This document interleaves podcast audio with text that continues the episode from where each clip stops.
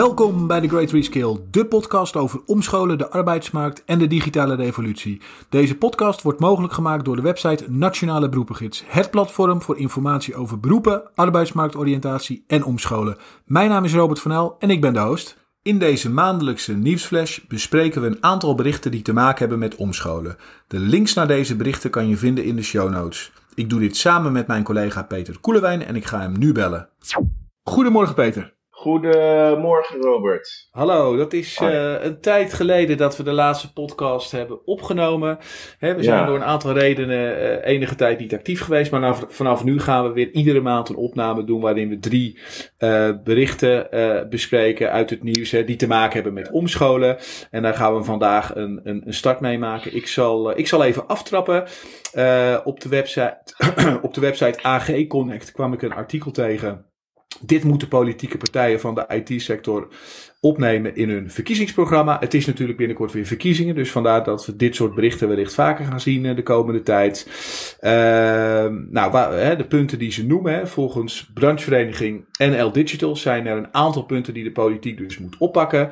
Uh, om te beginnen uh, het aanpakken van de tekorten. Hè. zoals het er nu naar uitziet, zijn er in 2030 300.000 vacatures in de, in, in de, in die, in die, in de IT-sector. En dat is niet ja. alleen in de IT-sector zelf, maar ook alle IT-beroepen. Dus in andere sectoren. Hè, dus dat is echt een fors aantal. Nou, ze geven een aantal voorbeelden die, uh, uh, ja, waar eigenlijk de overheid een actieve rol in zou moeten spelen.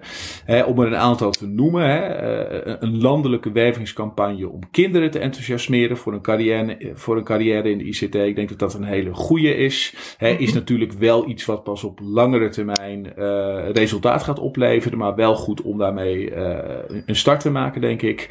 Nou, iets anders wat ze noemen is omscholen. Nou ja, dat zal duidelijk zijn wat, wat, wij daarvan vinden. Hè. En, en er zijn natuurlijk al wel veel initiatieven op het gebied van omscholing in de IT. Maar hè, de, de, wat ze ook aangeven, dat zou eigenlijk makkelijker moeten worden gemaakt. En uh, ik denk dat dat wel, wel een goed punt is. Uh, een ander punt wat ze ook noemen is het, het, het, het skillspaspoort. Hè, dat is ook zo'n term die je steeds vaker uh, hoort terugkomen. Hè. Dus eigenlijk skillsgericht aannemen, hè, waarin, je, waarin de werkgever niet kijkt bijvoorbeeld naar de opleidingseisen of dat eigenlijk laat vallen, maar puur gaat kijken welke skills heeft iemand en hoe matcht dat met, met de betreffende vacature. en wat zij dus aangeven, de branchevereniging en Digital, van de overheid zou daar dan zelf maar het voortouw in moeten nemen. Bij de overheid zijn natuurlijk ook heel veel IT-vacatures. Hè, dus ze kunnen daar zelf uh, een eerste stap in gaan zetten.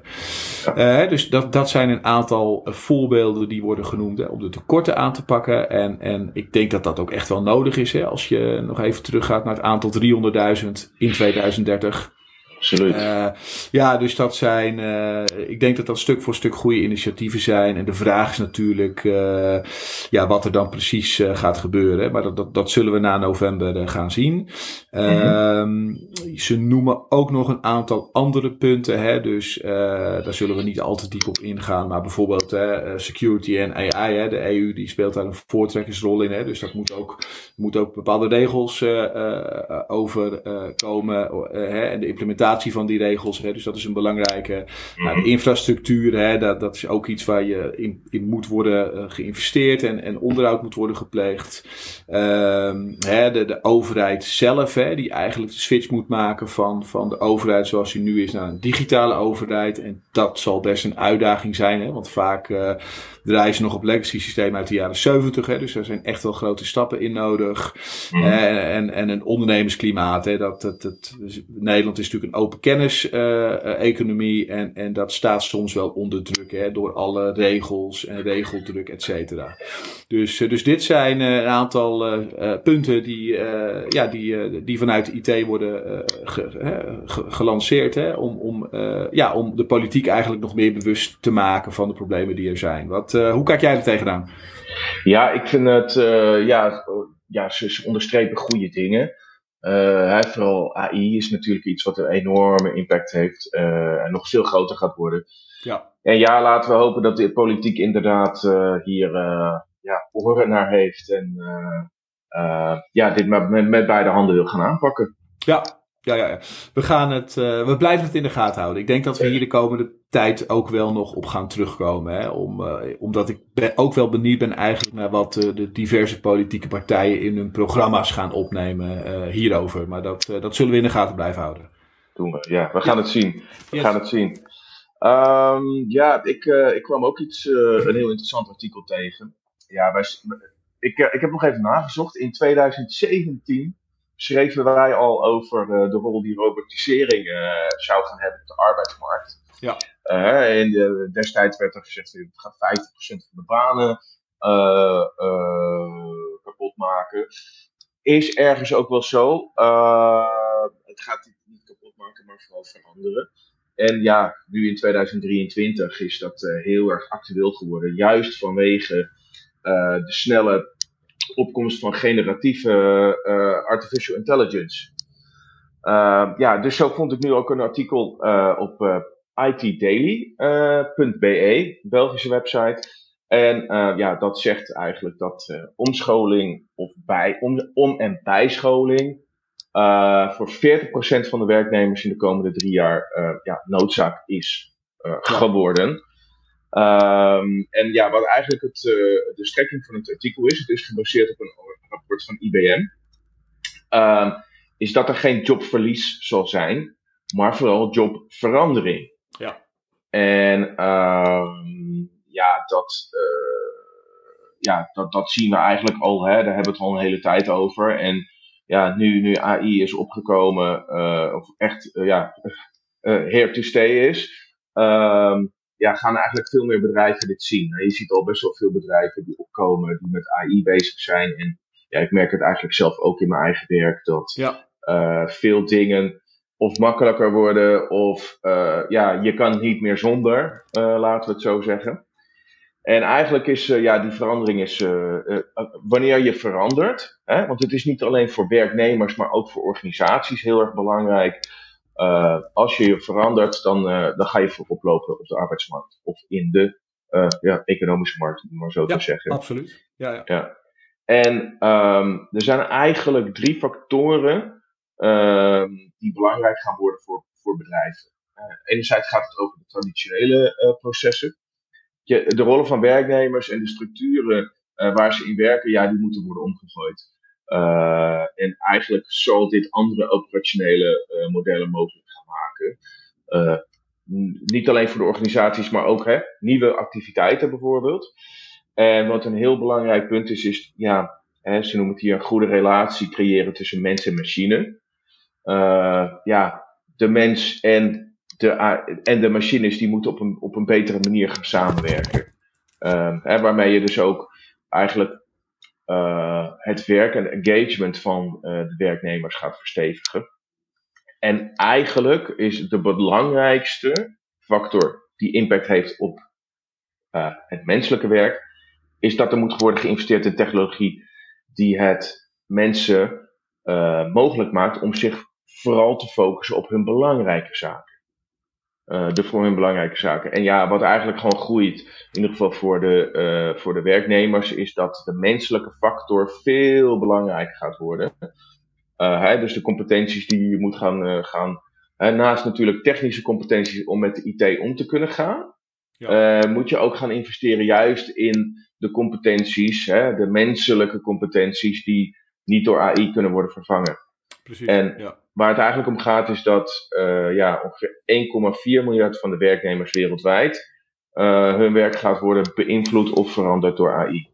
Ja, dat is echt een, uh, een fors aantal, ja. Het is natuurlijk een ja. schatting, maar goed, ik denk wel dat het echt wel, wat je zegt, here to stay is. En, en ja, ja, ja dat, we gaan het zien, uh, Peter. Interessant uh, artikel. Um, wederom op AG Connect kwam ik nog een ander mooi artikel tegen, of interessant artikel tegen, met als titel Nederland telt 39% meer ICT'ers dan voor corona.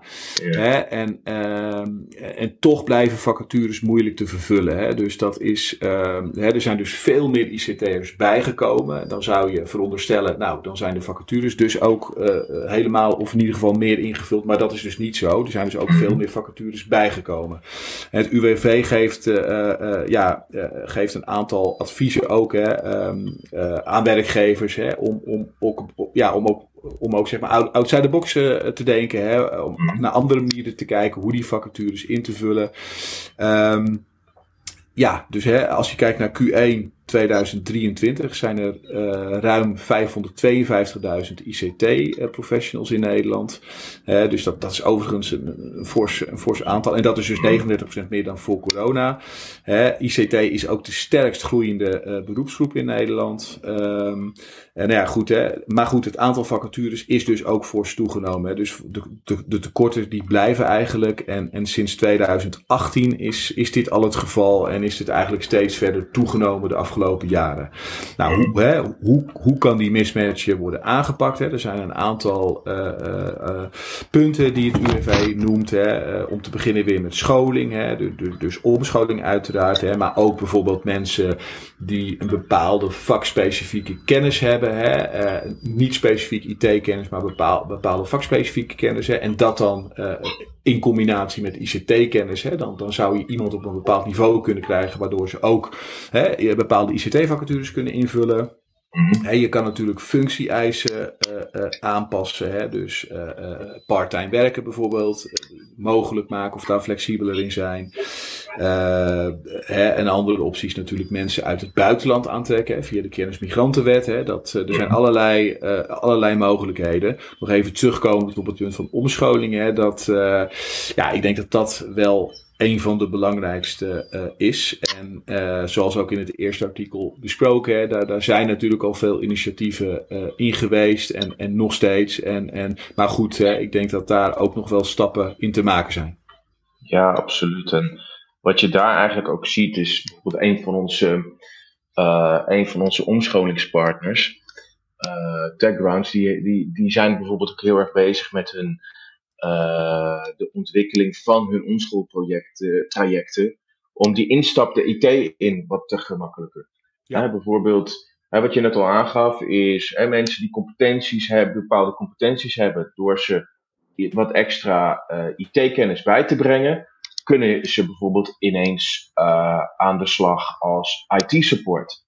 Ja. Uh, wat dan een makkelijke, nou ja, makkelijk, een, een laagdrempelige uh, instap de IT in is. En zodoende kunnen doorgroeien naar andere functies, zoals bijvoorbeeld hè, richting uh, DevOps, ja. ontwikkeling of software of security. Dus, ja. dus ja, absoluut. omscholing, bijscholing ja. is hier weer ja, een van de belangrijkste factoren in, denk ik. Ja, precies. Hè? En, en het voorbeeld wat je geeft, IT-support, dan, dan is het natuurlijk belangrijk dat je veel van de organisatie hè, of van de, bepaalde, van de bepaalde branche weet. Hè? Uh, ja, en, en hè, dan combineer je eigenlijk die kennis hè, met bepaalde IT-skills. En van daaruit kan, kan, iemand zich ook weer verder ontwikkelen binnen, binnen de IT. Dus ik denk dat dat inderdaad wel, wel goed is. Ja. ja. Um, ik denk dat we er zijn voor, uh, voor vandaag. Uh, dankjewel en tot de volgende aflevering. Graag gedaan en tot de volgende keer. Dank voor het luisteren. Wil je ook onze andere afleveringen beluisteren? Ga dan naar nationaleberoepengids.nl slash podcast. Tot de volgende aflevering.